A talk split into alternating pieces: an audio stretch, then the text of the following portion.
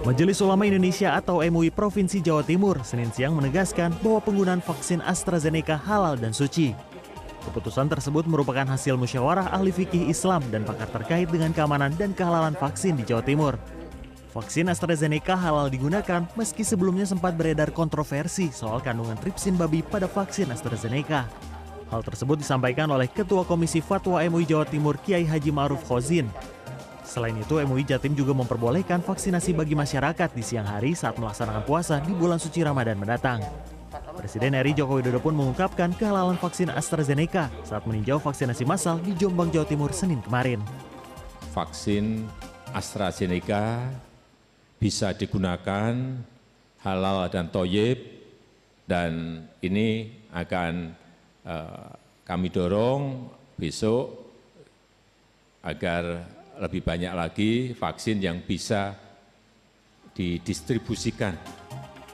Sementara itu, Sekretaris Jenderal Kementerian Kesehatan Oscar Primadi menyebut vaksin COVID-19 buatan AstraZeneca sudah disuntikan di Jawa Timur. Vaksin tersebut diperuntukkan bagi kalangan lansia dan masyarakat profesi pelayanan publik. Oscar menambahkan pendistribusian vaksin AstraZeneca ke wilayah lain akan diproses oleh Kemenkes. Kan sudah disuntikan hari ini ya, Alhamdulillah ya, pendistribusiannya sudah dilakukan di beberapa titik ya. Dan hari ini sudah mulai disuntikan di Jawa Timur. Alhamdulillah Ketua MUI di Jawa Timur juga sudah sudah disuntikan dengan AstraZeneca. Di kita, insya Allah kita lebih akan mendapat percepatan-percepatan dalam cakupan uh, imunisasi ini. Dan tentunya herd immunity yang ingin kita capai akan segera ter, tercapai.